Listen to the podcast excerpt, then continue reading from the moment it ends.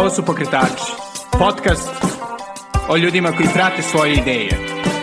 Ja sam Srđan Garčević. Dobrodošli.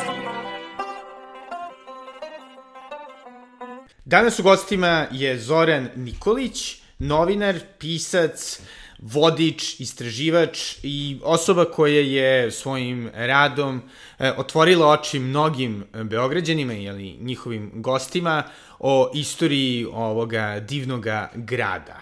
Sa Zoranom sam pričao pre svega o njegovim istraživanjima i turama, o Beogradu ispod Beograda, o masoneriji ovaj, u Srbiji i uopšte o tome kako se grad menjao i njegovim pogledima na Beograd. Pre nego što čujete Zorana, htio bih da kažem dve stvari. Prva je da bi se e, zahvalio Jeleni Ban, bez koje ovog intervju se ne bi desio, jer me je odvela na sjajnu turu u Beograda ispod Beograda, koju svima vama preporučujem. E, a druga stvar je da možete zapravo i da podržite pokretače, tako što ćete otići na paypal.me kosacrta s Garcevic ili na patreon.com kosacrta Belgrade i odlučiti da donirate, što bi mi naravno dosta, dosta značilo.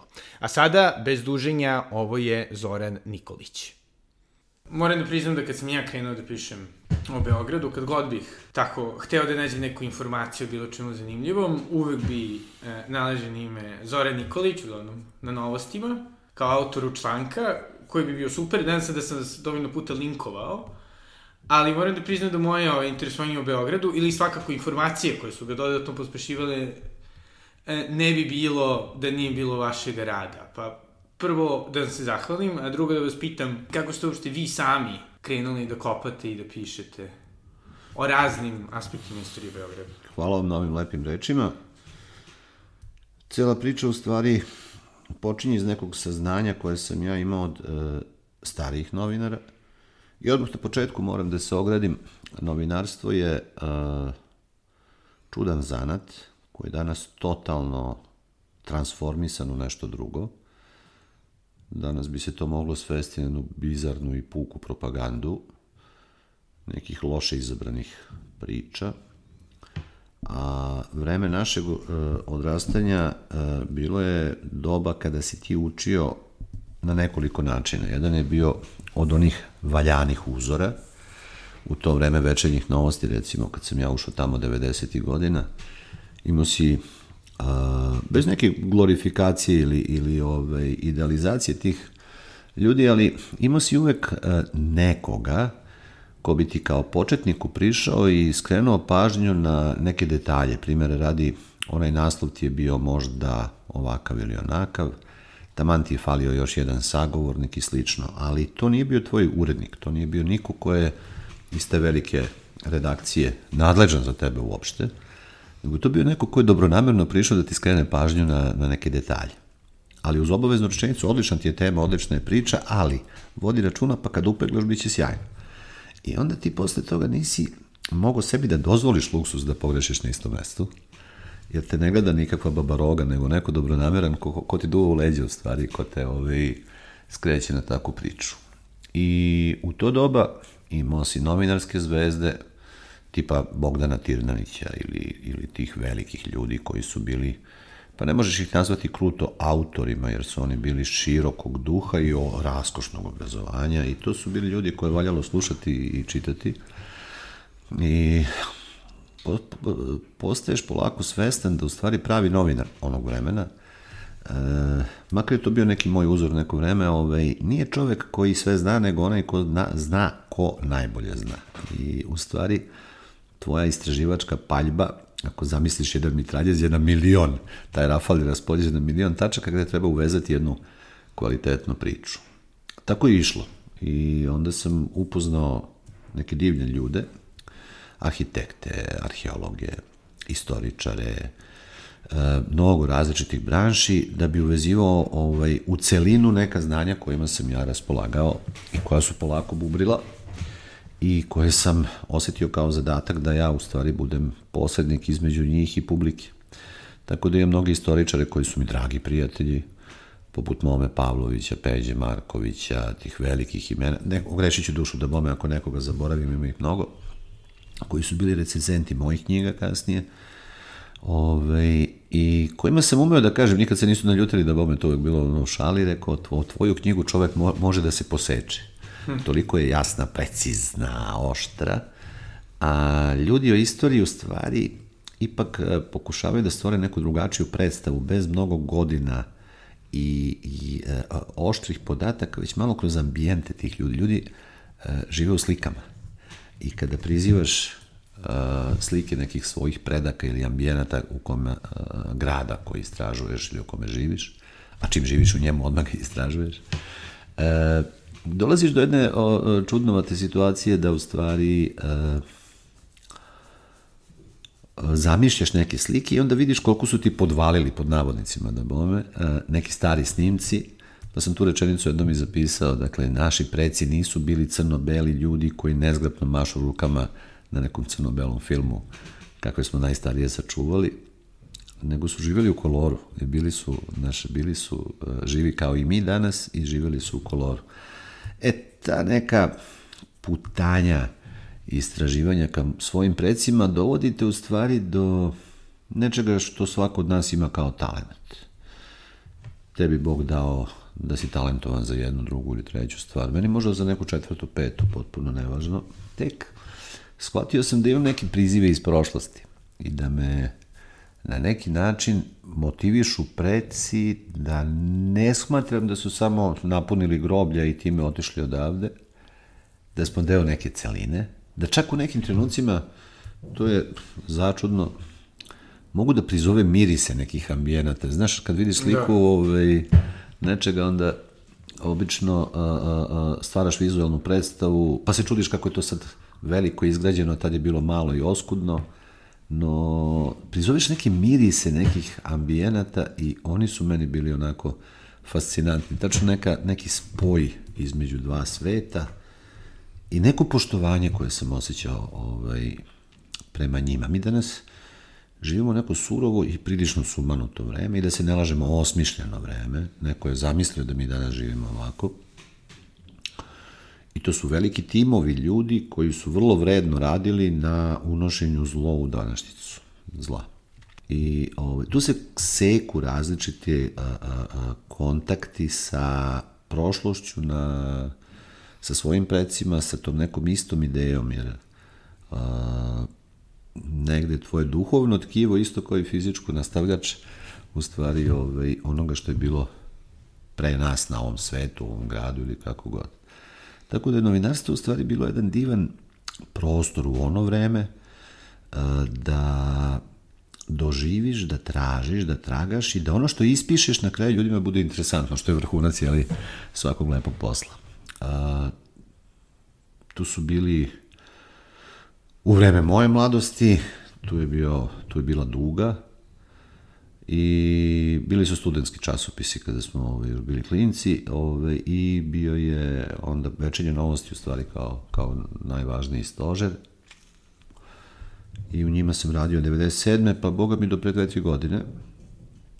A, imao sam 5-6 godina sam imao baš specijalni dodatak Beogradske priče, iz koga se rodila knjiga koja je danas vrlo popularna, ovaj, gde sam svake srede pravio po četiri strane ovaj, najrazličitih priča, ali nisam teo da napravim istorijsku čitanku, nego sam se baš igrao recimo sa ljudima koji su danas popularni ili viđeni ljudi u gradu, ali da ispričaju, znači, zvao sam to neobični beograđani, dakle, Ljuba i Bodan Inković su braća, što ljudi često ne znaju, znaš, jedan je vrhunski muzičar, a, a drugi majestralni glumac. Ove, ovaj, I način na koji su, recimo, njih dvojice iz rodnog Smedereva došli ovde, pa onda doživjeli Beograd, pazi u to vreme, znači, mnogo se loži po 29. novembra, masa, masa ulica, masa kuće stanova se loži na, na, na drva, ugalj, ovaj, grad je, kaže, u zimsko vreme čađav do, do, do, do neba, onaj beli sneg i oba preko njega ovaj crni prah, ali... Čak i ranije, wow.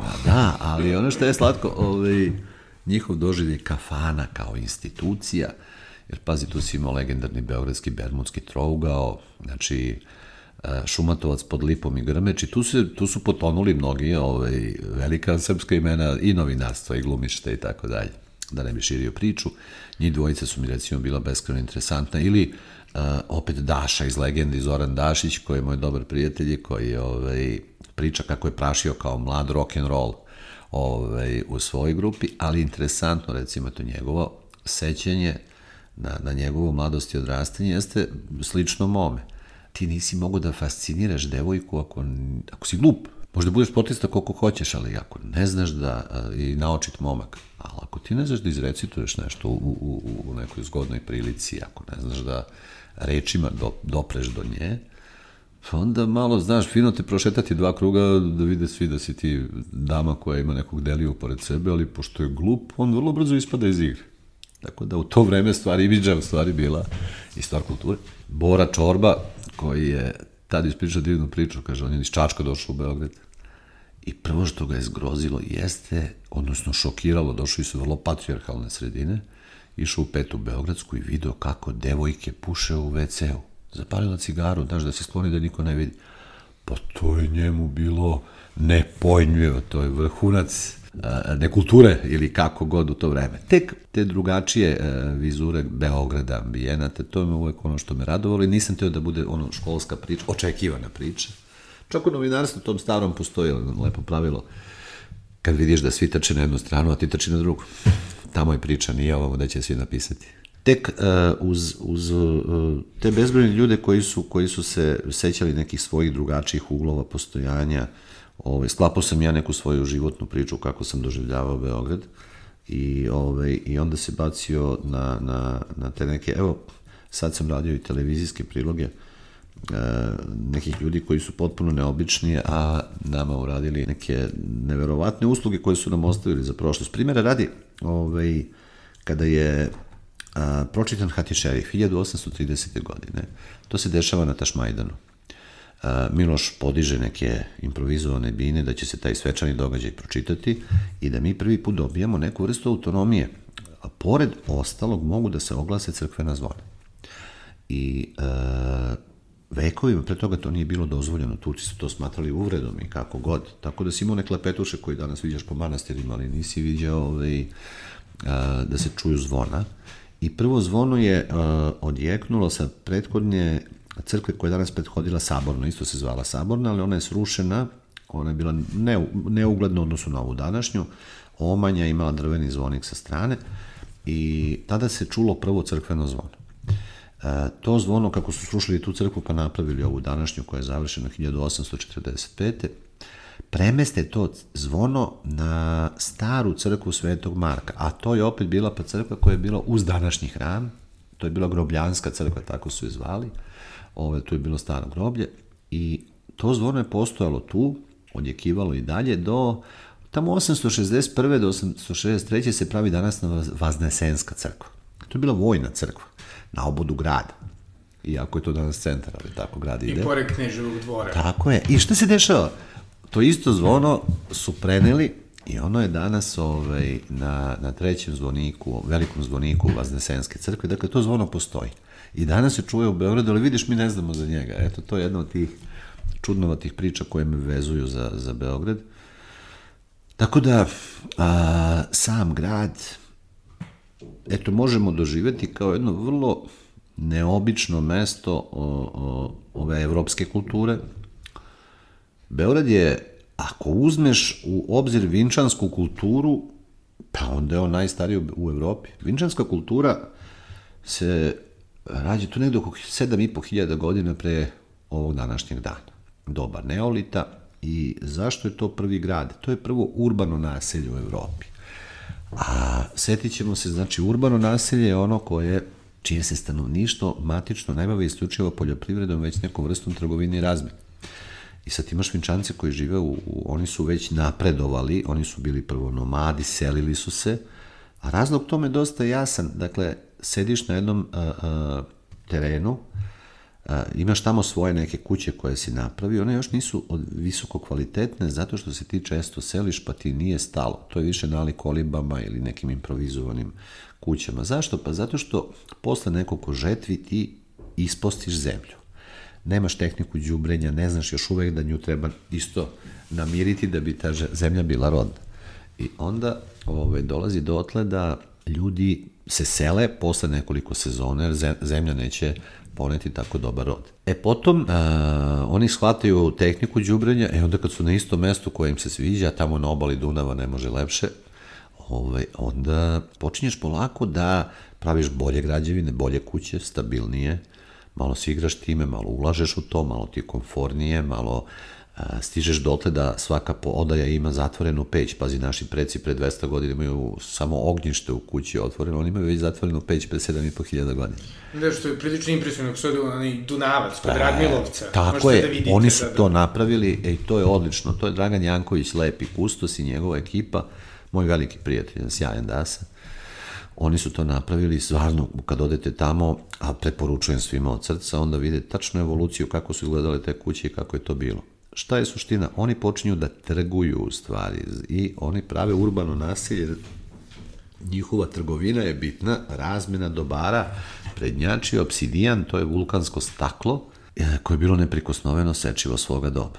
I od skoknu u Tuzlu po so, skokne ovaj, po, do, do, do, do Grčke, do Egeja, donese školjke sa čim sedefom ovde može da šta god poželi popne se na avalu, pa donese cinabarit kojim farba tkanine koje izrađuje njegova žena. I eto njega u nekoj trgovini, pa će, u stvari, po tim stručnim analizama i mišljenjima, Vinča biti najstarije urbano naselje u Evropi. Pa ako je tako, onda i Beograd sam po sebi, jeli, e, ima ovaj, tu duboku evropsku, znaš, mm. moglo bi se reći čak da je on rodno mesto Evrope. Da, ali recimo jedna stvar koja je za mene bilo baš poražavajuće kada sam negde 2000, mislim da tu bilo čak deseta, nešto se kao poigravao da malo pišem o Beogradu na engleskom.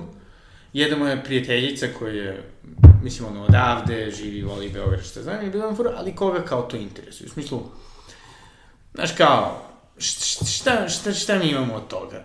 Da li ste se vi nekada suočavali sa tim, odnosno kao, ma, to je glupo video priče, sam, video sam ja mnogo, vidiš, ja sam verovao da ljude to interesuje. Ja sam našao da mene interesuje, našao sam neki zajednički menitelj gde sam siguran da kad ispričam priču kao tebi sad, da vidim da, da, da si zainteresovan, da su ti se oči otvorile, da bi volao da čuješ drugu polovinu priče ili da se nastaviš na nju, da kažeš šta si ti zaključio. I polako se ovaj, rađa jedan lep kreativan dijalog. S druge strane, ste se bavili i konkretnim istraživanjima, išli ste uz uz istraživače. Kako je to izgledalo? Kako to je, to, važi, to je bilo vrlo ovaj, interesantno. Čuo sam za podrum najstarije kuće u Beogradu, Cara Dušana 10, i to je danas u prizemlju postoji ta kuća, to je radnja staklopana, i tu je bilo sedam identičnih kuća. U jednom trenutku u 18. veku, to je relativno kratak istorijski period, 1717. do 1739. gradom vlada Austrija. Ona otima grad od Turaka i oni potpuno menjaju Beograd iz jedne provincijske kasabe otomanske u jednu vrlo interesantnu baroknu varoš. Tada oni potpuno transformišu tvrđavu, prave neka velika znanja i tu neki Elias Fleischmann 1726. pravi sedam identičnih kuća on je ovdje bio trgovac kožama ili tako god. To je zgodno, oni su e, davali posebne bonitete onima koji hoće da se dosele u Beograd. Biće da su bili iz okorine Wormsa, Mainca i tako dalje. Bonitete znači da ne plaćaju porez neko mhm. vreme i tako dalje, dok se negde ne pusti koren i dok njihovo stanovništvo ne oddominira. Ove, I taj čovjek je napravio sedam istih kuća, s tim da do dana samo jedna preživela, ova je bila druga od Kalemegdana. Tu preko puta je bila zgrada komandanture, znači vojnog uporišta i mi smo je kasnije uz pomoć Turaka vrlo trapavo pre, prozvali Pirinčana. Zašto? To je od jedne nemačke, jedne turske reči, princ i han. Pa prinčev han, pa to kod nas sada ispalo na kraju Pirinčan, kada, da, kao da, da, da asocijacija na pirinač, to nema veze s mozgom, znači, ovaj, ali to je bila, on je bio na mestu današnjeg doma Svetog Save.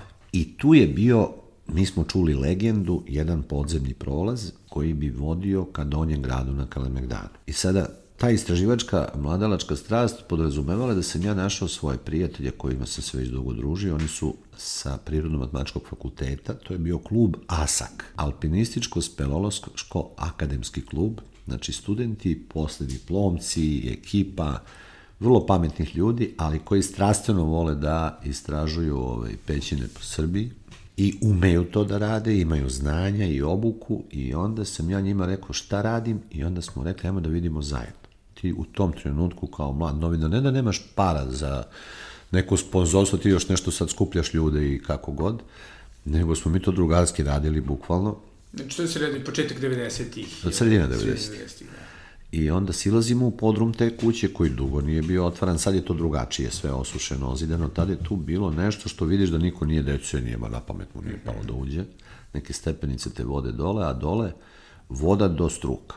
Tu su posle postale neke autoperionice, pa Đerdap je podignut, pazi, uh, uh, 1970. ti napravljena hidroelektrana koja podiže divo Dunava, ipak značajno je ona pokreće i klizišta po višnici i tako dalje. I mi smo sad u vodi do struka s nekim ribolovačkim čizmama i vidimo da na jednom uglu otiče, čudno odzidan, po, ovaj, otiče malo voda, ali ne možeš da provališ gde. I u stvari dođeš do nekog razočaravajućeg uh, uh, osjećaja da ništa nisi našao. Mm -hmm. a, a ozbiljno si se spušta. Onda neki ozbiljni, ovaj, imaš slutnju, ali nemaš dokaz. Neki ozbiljni komšije tu vide šta radimo, a, deco, imate vi ovde još nešto, pa još nešto. Ispostavlja se u stvari da je tu metodološki bilo jako bitno ovaj, otići do, do, do najvećih poznavalaca, tu je bio Marko Popović, Zoran Simić, veliki arheolozi, kasnije Vesna Bikić, pa Stefan Poplazić, to su velika imena i pametni ljudi. I onda smo shvatili da je odatle, očigledno, a tu je i komandantura blizu, a mnogo toga presečeno. To je bio posle gospodski deo grada, opet se vraćam na to da umesto nekih prizemnih e, e, građevina ti imaš sada spratne od 5-6 spratova, znači za njih se kopaju dublji temelji i oni će kasnije da, da preseku pa tragove. pored te kuće, zapravo bio najvećih finskih podruma u Beogradu. Bio, imao si, da. imao si, imao si tu svašta, imao si gore još, ali pazi, e, e, prvo to su opasni poslovi, zato što neke podzemne objekte ne smeš da siđeš tek tako lako jer su pod jakim pritiskom građevine iznad. Tako ti je ceo Zemun, Gardoš, Čukovac, Muhar, Kalvarija, Bežanijska kosa. Ovaj, iz, Pelozi, iz Pelelozi će ti tad reći, pazi, kaže, sad smo mi u nečemu što se zove urbana rupa u planini. Ja tačno znam strukturu pećine istražio sam uh, od čega je, da li je krečnjak, da li je stena, da li je ovo, da li je ono i u tom kontekstu znam gde da nabodem ekser, gde smem da visim, gde ne smem i tako. Ovo je urbana rupa koja je još i pod pritiskom.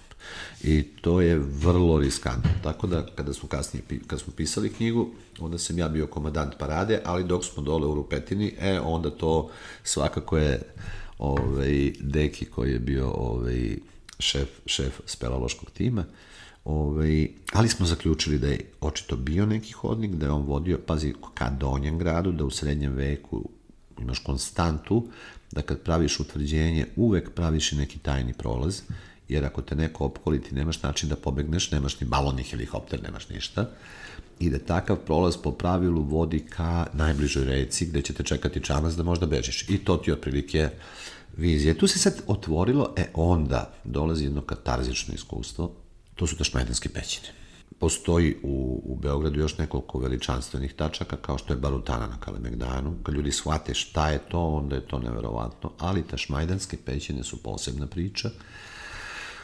Ulaz u njih koji danas postoji jeste preko puta Berdareve od zgrade televizije, baš u blizini onog tragičnog mesta gde su 99.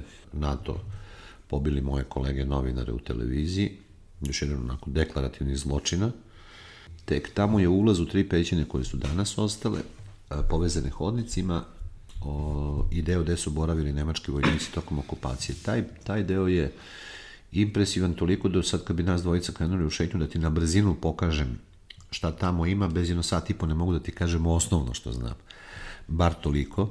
U tu stenu su još udarali poslednji talasi Panonskog mora, pre 13 miliona godina. Znači, nestvarno a onda su Rimljani vadili kamen odatle i sve u Singidunumu što danas postoji u stvari kao ostatak tog doba uglavnom izađeno iz tog kamenoloma, pa mu Turci daju ime Taš Majdan, Taš je kamena, Majdan rudnik. Tu Karadžorđe skriva svoj štab u prvom srpskom ustanku, pa u prvom svetskom ratu se mi tu skrivamo od onog besomučnog austro-ugarskog bombardovanja i na kraju dolaze Nemci u drugom svetskom ratu koji već imaju, znači, zatečen pećinski sistem, a njima treba da naprave neko sklonište i sasvim logično da će oni to da iskoriste, ne moraju kopaju iz početka ništa, nego će da ga ojačaju, a betonskim podovima, admirano-betonskim lukovima, da od toga naprave jedan vrlo moćan ambijent.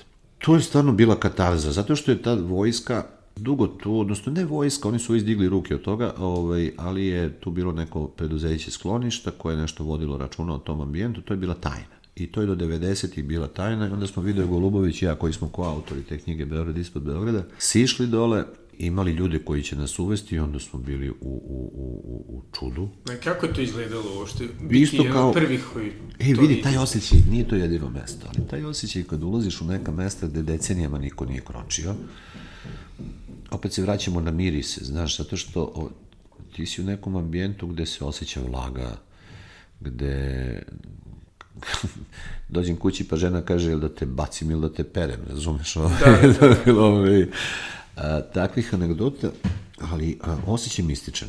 A, moram priznati, ili, ili ja imam neke drugačije senzore, ili je to stvarno ovaj, osjećaj da se motaš nekim prostorom u kome nikoga nije bilo, kao da neki duhovi još uvek emituju neku energiju tih ljudi koji su to pravili zbog nekog razloga sa nekom svrhom i s nekim verovanjem u to što rade, oni su, znaš da sam to jako duboko doživeo ovaj, na Petrovaradinskoj tvrđevi. Mm -hmm.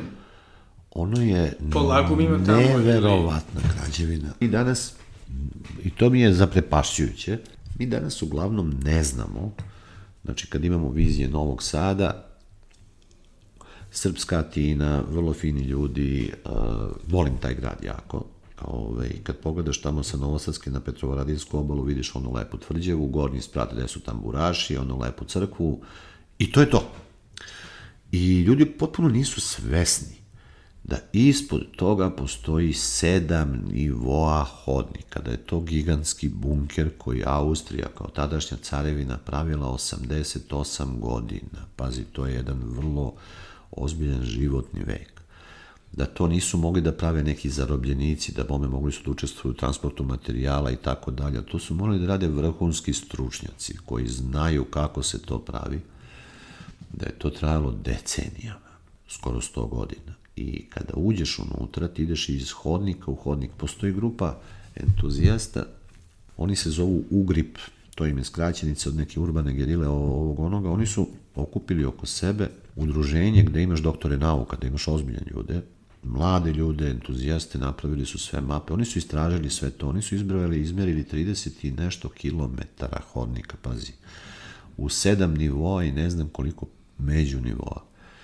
Ja sam išao tamo nekoliko puta i kada sam bio prošli put, znači mi smo proveli 5 sati unutra, i gore, i dole, i levo, i desno, i jedan nivo, drugi nivo. Kad smo izašli napolje i pogledali kartu, mi smo videli da smo prošli jedan ne mogu da kažem ćošak, ali jedan beznačajan deo onoga koliko je to veliko. Onda imaš na samom dnu, najnižem nivou imaš bunar. A, zovu ga bunar Josifa II, to je sin Marije Terezije, ovaj, koji je dole silazio odbredno da pije vodu. Dakle, to je opet bila neka njihova ezoterija. Mm. Ovaj, a, I osjećaj da si tu blago nedobrodošao ili kako god, ne mogu da ti objasnim vodič, u jednom trenutku kaže jednu šarmantnu rečenicu, e, kaže, ako bi sad svi ostali bez lampi, da bome da ideš tamo sa, sa rezervnom i kako god, da, kaže, da, kad bi svi ostali bez lampi, ja ne bi znao da izađem. e to, ono kao, uje, znaš, ono, to je sudar sa nekim gigantskim energijama koje su deponovane tu, sa veštinom kojom su gradili, evo ti čudan podatak, znači samo na drugom nivou, sećam se, postoji jedan hodnik u kome se čuje eho ni na jednom drugom mestu.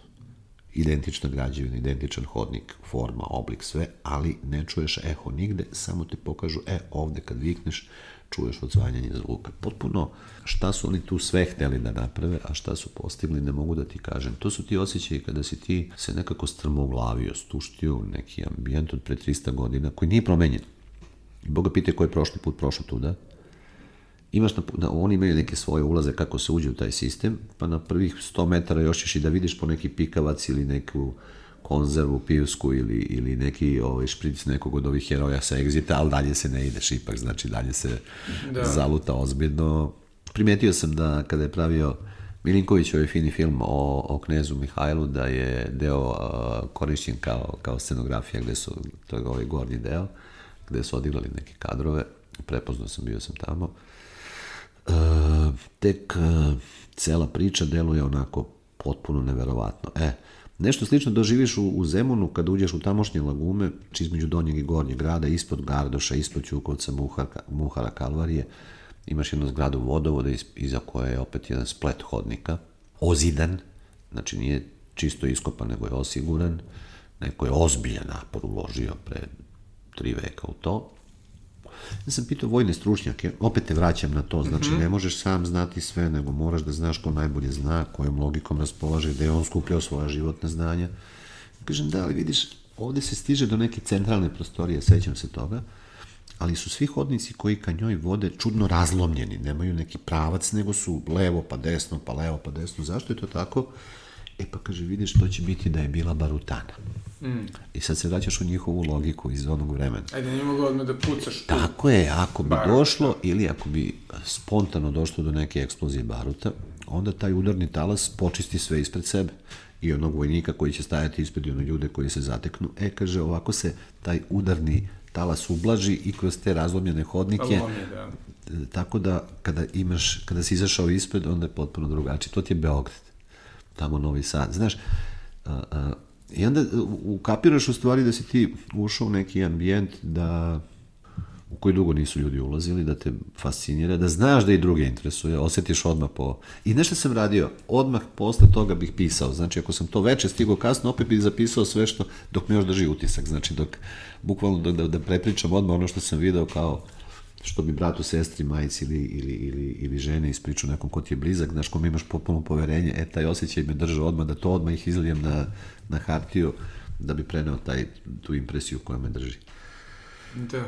I, ali isto to prenosite, ali i kroz ture. Kako ste odlučili da vodite ture? I sasvim slučajno. Znači, ovaj, jedna tadašnja agencija ima ideju da, da, da poveže neke podzemne objekte da ispriča i oni to podnesu kao predlog turističkoj organizaciji Beograda. Oni kažu, pa čekaj, glupo je da e, napravite turu ako ne ponudimo prvo autorima knjige da, da je oni ovaj, vode kad su već ovaj, sve to opisali. Video i ja smo, video je stariji malo od mene, e, blagosloven čovek sa osmor unučadi u, u posljednje vreme i sad u svojim godinama da voda ture baš, znaš, ono, zaslužuje svoje penzionerske dane kao dobar istraživač i dobar čovek i odličan deda. I to je 40 godina i ovaj, Rekao, zašto da ne, ajde, nisam to probao baš da vidim kako izgleda.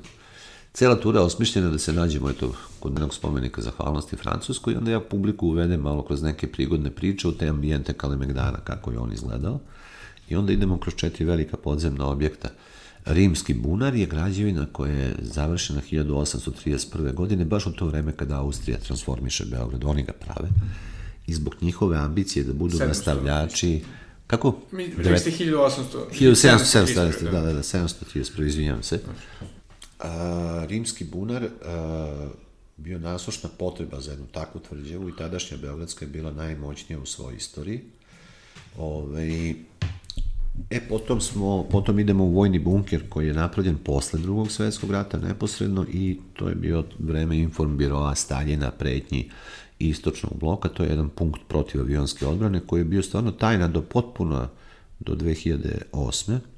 I sad je ljudima potpuno neverovatno da uđu u vojni bunker na sred Kališa pored pobednika 100 metara, da nisu imali predstavu da je to u stvari vojni objekt. I to na mestu despotovog donža. Tako, e, a to posebno. Ove, ovaj, e, onda silazimo u Barutanu. I sad, Barutana i meni stvarno ovaj, uvek je doživim kao jedno vrlo neverovatno mesto. Pre 300 godina su oni iskopali znači e, e, stenu, odnosno Beogradski greben, tu su ovaj, namerili da bude barutana, ali potom će i naše ovaj, kulturne vlasti da donesu odluku da tu čuvaju sarkofage i ostale objekte, predmete, pošto oni su kabasti, bože moj, i ne možeš ih staviti u Narodni muzej, uh, uzet ćeš ceo dva sprata tako važne zgrade. I oni tamo čuvaju originalne rimske spomenike, to je čudesno mesto. I na kraju idemo u vinske lagume u Karadžorđevo i to su tri pećine iskopane pre par vekova da bismo tamo čuvali vino. A sad je tamo vinarija i tamo prelazimo na te duhovite boemske priče, malo začinimo celu turu. I to bude, boga mi, dva i po sata lepog druženja i to traje 12 godina, evo mi smo računali da nešto oko 200.000 ljudi prošlo kroz tu turu za ovo vreme. I zaista, eto i novinarski, znači to su dve sistem spojenih sudova, znači jednim danom sam novinar, drugim vodič i onda ono što saznaš u jednom poslu pretočiš u drugi i oni koji su ti gosti na turi sad hoće da vide i ono što si radio kao novinar i to je jedno lepo onako sistem spojenih sudova, kako ga u šali zovem. Ali jedna lepa energija, jedna lepa komunikacija sa publikom I ovoga što si rekao, a ja bih volao da je tako, da, da, da imaš tu neku ulogu prenošenja tih ambijenata, neke životne filozofije svojih predaka, ambijenata grada. Napravili smo i bojem, skulpturu i ona je zgodna puno, krećemo iz uh, znaka pitanja najstarije kafane u Beogradu, završavamo u Skadarli u Tri Šešira, a umeđu vremenu se malo setimo i tih boema i tih ljudi, s tim da nikako nisam teo da to bude ono Đura Jakšić i Bratija kao prva lična karta Boemije, nego sam ovaj, tu uvrstio i Gidru Bojanića, i Peru Kralja, i Gagu Nikolića, i Boru Čorbu, i sve te lepe boemske iskorake tog a, života kafanskog, koji je imao svoju suštinu. Znači, kafana nije štala za pijance, to je jedna ozbiljna kulturna institucija, gde će proći neko piće i gde će se ljudi ovaj, i nasmejati i tako dalje, napraviti neke neočekivane štosove, ali ona je na prvom mestu kulturna institucija.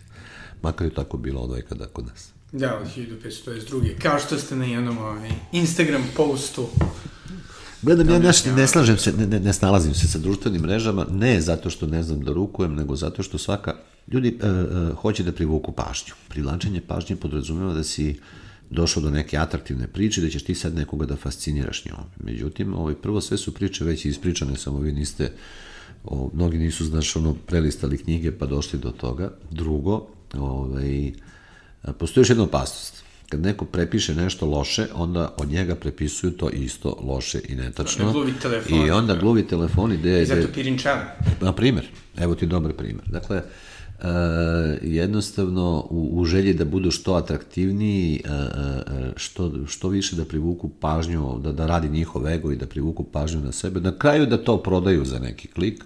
Ja sam gledao nekog nesrećnika koji je rekao kako su mi uništili akvaduk, sram nas bilo, sad je on pun sebe pa to ispričao, pa još ovaj, stavio sliku uh, crteža akvadukta koji je postojao u Konstantinopolju. Ko, pa dobro, ljudi, šta radite to? Prvo, ne veze s mozgom, mislim. Ako si imao rimski vodovod, jesi, akvadukt nisi, to je potpuno drugačija građevina. Bili ponekad da kače oni iz Skopja. Na primer, i, ovaj, i eto mene koji sam bio pametan skrenuo pažnju na svoje, to pa sam još imao i čvrst stav kako smo se mi izbrukali, nisi sine, nego si sve promašio, promašio si hektar. Znači, taj tvoj čvrsti stav i to tvoje ubeđenje da si ti sad mesija, pa baš i nije tako. Ove, ovaj, tako da sa iznošenjem takvih stvari u javnost čovjek mora bude obazriv. Da, ja sam sve svoje knjige, deset ih je, ove, ovaj, prvo zamolio ugledne istoričare, ugledne arheologe, ljude koji su bavili time urbaniste, da pogledaju kao, ove, ovaj, kako to izgleda. I tek onda, znači imao sam ozbiljne recenzije da, da to bude tačno. Pazi, novina posebno dnevne novine u kojima sam nekad radio, ipak lakše praštaju grešku. Ti ako si napravio neku grešku, trudio sam se da ih ne bude, sutra će ona polako da ode na groblje, jer se rodila nova novina, pa nova i tako dalje. Međutim, ovaj, knjiga stoji i ona ovaj, podlači tu grešku svojim postojanjem i dalje. Znači, tu ne sme da se greši i prosto tako to je bio neki moj životni princip. Jel imate turu možda i na engleskom? Ja lično ne vodim na engleskom, moje kolege, to je agencija Jungman Travel s kojima radim, oni imaju odlične vodiče na engleskom, ali ja prosto ovaj, sa svoju turu prilagodio mojim čitaocima i mojim zemljacima i ljudima koji govore naš jezik, da li su oni i slovenci i hrvati, to oni su mi svi makedonci dobrodošli jako i s njima se lepo družim, ali ovaj, sa, sa strancima ne radim ja, pa ako hoćeš i fizički ne mogu da stignem, okay. ovaj, A baš za tih, da kažem, 12 godina se dosta toga i promenilo. Vidi, imaš ti sada da. tu bezbroj, bezbroj stvari, ovaj, raširit ćemo temu. Svaki čovek a, prvenstveno meri a, svet oko sebe svojim životom, koji je hronološki kratak i tako dalje. Iskustveno svoje porodice Iskustveno, da. to, je, to je i, i, i veličanstveno i bolno i sve stane u jedan život, tu nema priče. Tako da ti imaš i Beograd koji E, diše na jedan potpuno drugačiji način. Evo vidi, početkom 19. veka u prvom srpskom ustanku, kada Karadžorđe otima grad od Turaka, u Beogradu živi 3000 srpskih duša. Toliko. Zvaničan podatak. Ove, ovaj, Ostalo su, ne znam, jevreji, cincari, greci, ponaročito Turci, da. jermeni, tako je. To je domalena varoš, bre, znači, za njega je Sombor današnji metropola i to ozbiljno. I, e, onda, do 1830. stižemo do 7000 ljudi, srpskih duša, još uvijek su tu i Turci i tako dalje. To je jedna omalena varoš koja završava tu kod Stambol kapije, kod Narodnog pozorišta. Tamo imaš Sava kapiju, Varoš kapiju, Stambol kapiju i Vidin kapiju kod prve Beogradske, oni ti oj, ojivičavaju grad, ona ga Znači, posle toga već periferija, Terazije su periferija, znači to je za naše današnje pojmove potpuno ovaj, teško da, da, da ljudi ovaj, Da pojmimo, da da. pojmimo. E, tamo kada pravimo spomenik knezu Mihajlu 1882. Beograd ima između 25 i 30 hiljada stanovnika. 1900. jedan zvaničan popis 59 hiljada stanovnika.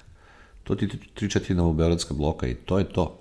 E, onda do prvog svetskog rata stižemo do 100.000 ljudi, do drugog do 400 i onda kasnije ide onaj ogroman rast posle drugog svetskog rata, to se zvalo industrializacija, kada su oni dovlačili svu silno stanovništvo ruralno da bi napunili fabrike koje su napravili i da je Beograd onda stigao vrlo brzo do miliona.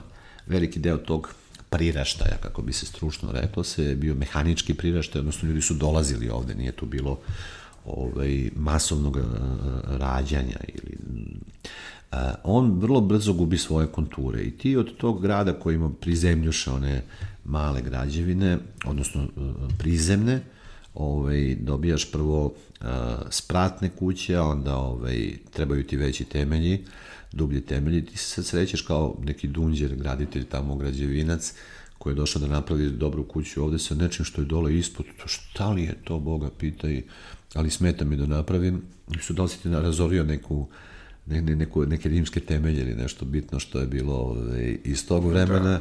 i ti danas dolaziš do činjenice da mi dobro znamo da je Beograd imao vodovod u rimsko vreme od drugog veka ovaj, koji vodi od malog mokrog luga pa do tu centralnih zona grada skroz do Kalemegdana tamo je bio rimski vojni kastrum, rimsko vojno utvrđenje ali od njega bezmalo više nema nigde ostatak ovaj, ostao ispod uh, biblioteke grada rimska dvorana, u njoj imaš koma tog vodovoda I Dobro, imaš, sad u Vlajković ima. Jeste, sad su ovaj, a, pronašli još neke tačke. Mi smo našli gore kod, a, kao istraživači smo našli kod a, Cvetkove pijace, ali hoću da ti kažem da... A, a je li svaka... izvinite, kod Cvetkove mm. Ovo što, što, što uh, mi znamo da ovo ispod biblioteke grada da bome jeste, ali ovo će morati da se zaštiti na neki način. Ali hoću da ti kažem da dolaze vremena, isto kao što, malo pre to bila suština tvog pitanja, uh -huh. ove, dolaze uvek neka nova vremena i ona potiru stara i baš ih arheološki onako zatrpavaju, teraju u dubinu zaborav, kao što čovek neke neprijatne događaje iz svoje prošlosti a, prosto gura u ono nesvesno i zaboravi na njihovo postojanje. I onda oni moraju da izniknu u nekom trenutku, da se pojave kao, kao nekakav vulkan ili da, da eruptiraju, i da pokažu tragove svog postojanja i ti se zbuniš, čekaj, otkud ovo ovde, a u stvari je bilo tu i bilo je vrlo jako tu. Ti danas ovaj, u okolini Saborne crkve, odnosno preko puta gde je Narodna banka, po svemu sudeći si imao rimski forum. Dakle, tu je bilo kupljarište, ti si imao jednu potresno, potresnu budalaštinu u našoj novijoj istoriji, to ti je trenutak kada arheolozi nađu a, u pionirskom parku, ne pionirskom, pardon, nego u studentskom parku, naleću na ostatke rimskih termi. To je kraj 60. godina. Šta se događa? Arheolozi to pronalaze, markiraju, istraže i ti dolaziš do nekih veoma važnih saznanja.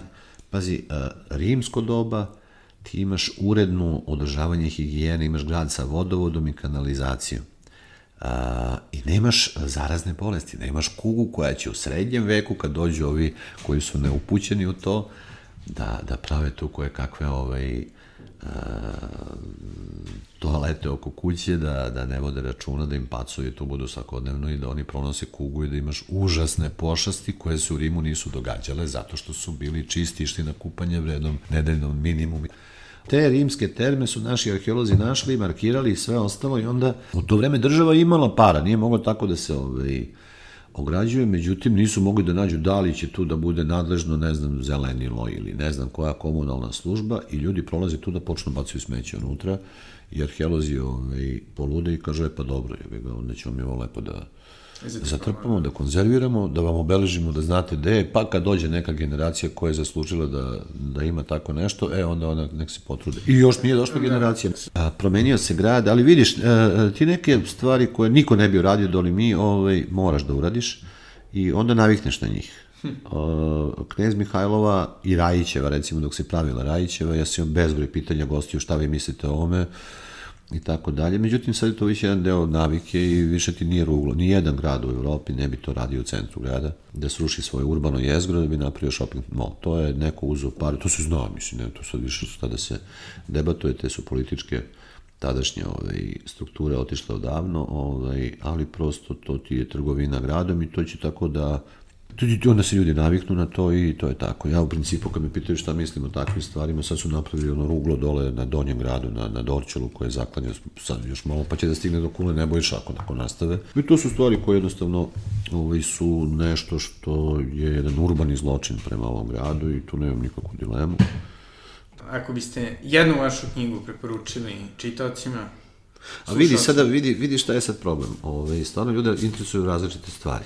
Ja sam počeo sa knjigom Beograd ispod Beograda, koja je stvarno postala veliki hit.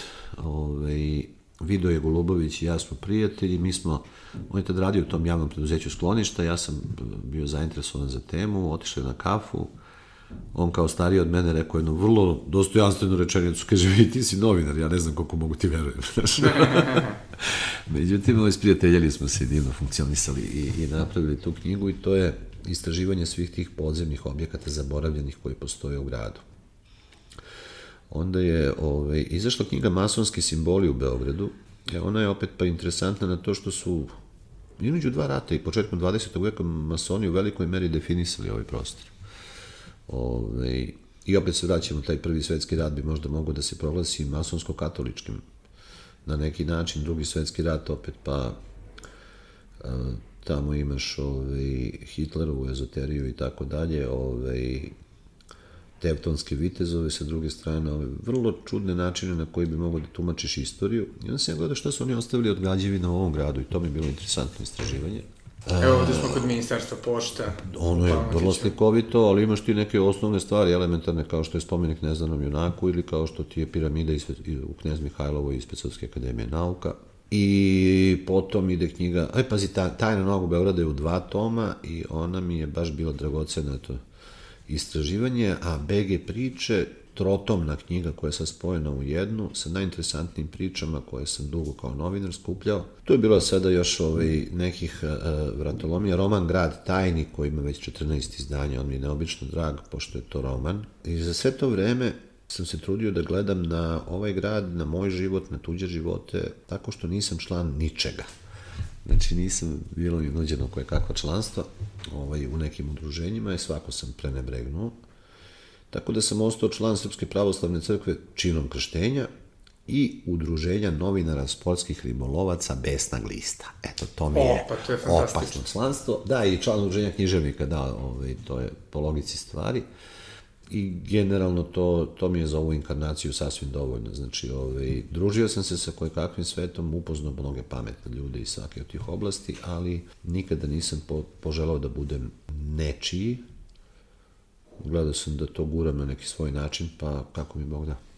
Jedna stvar koja mi užasno kopka, recimo, baš kad sam gledao masonske simbole, Aha.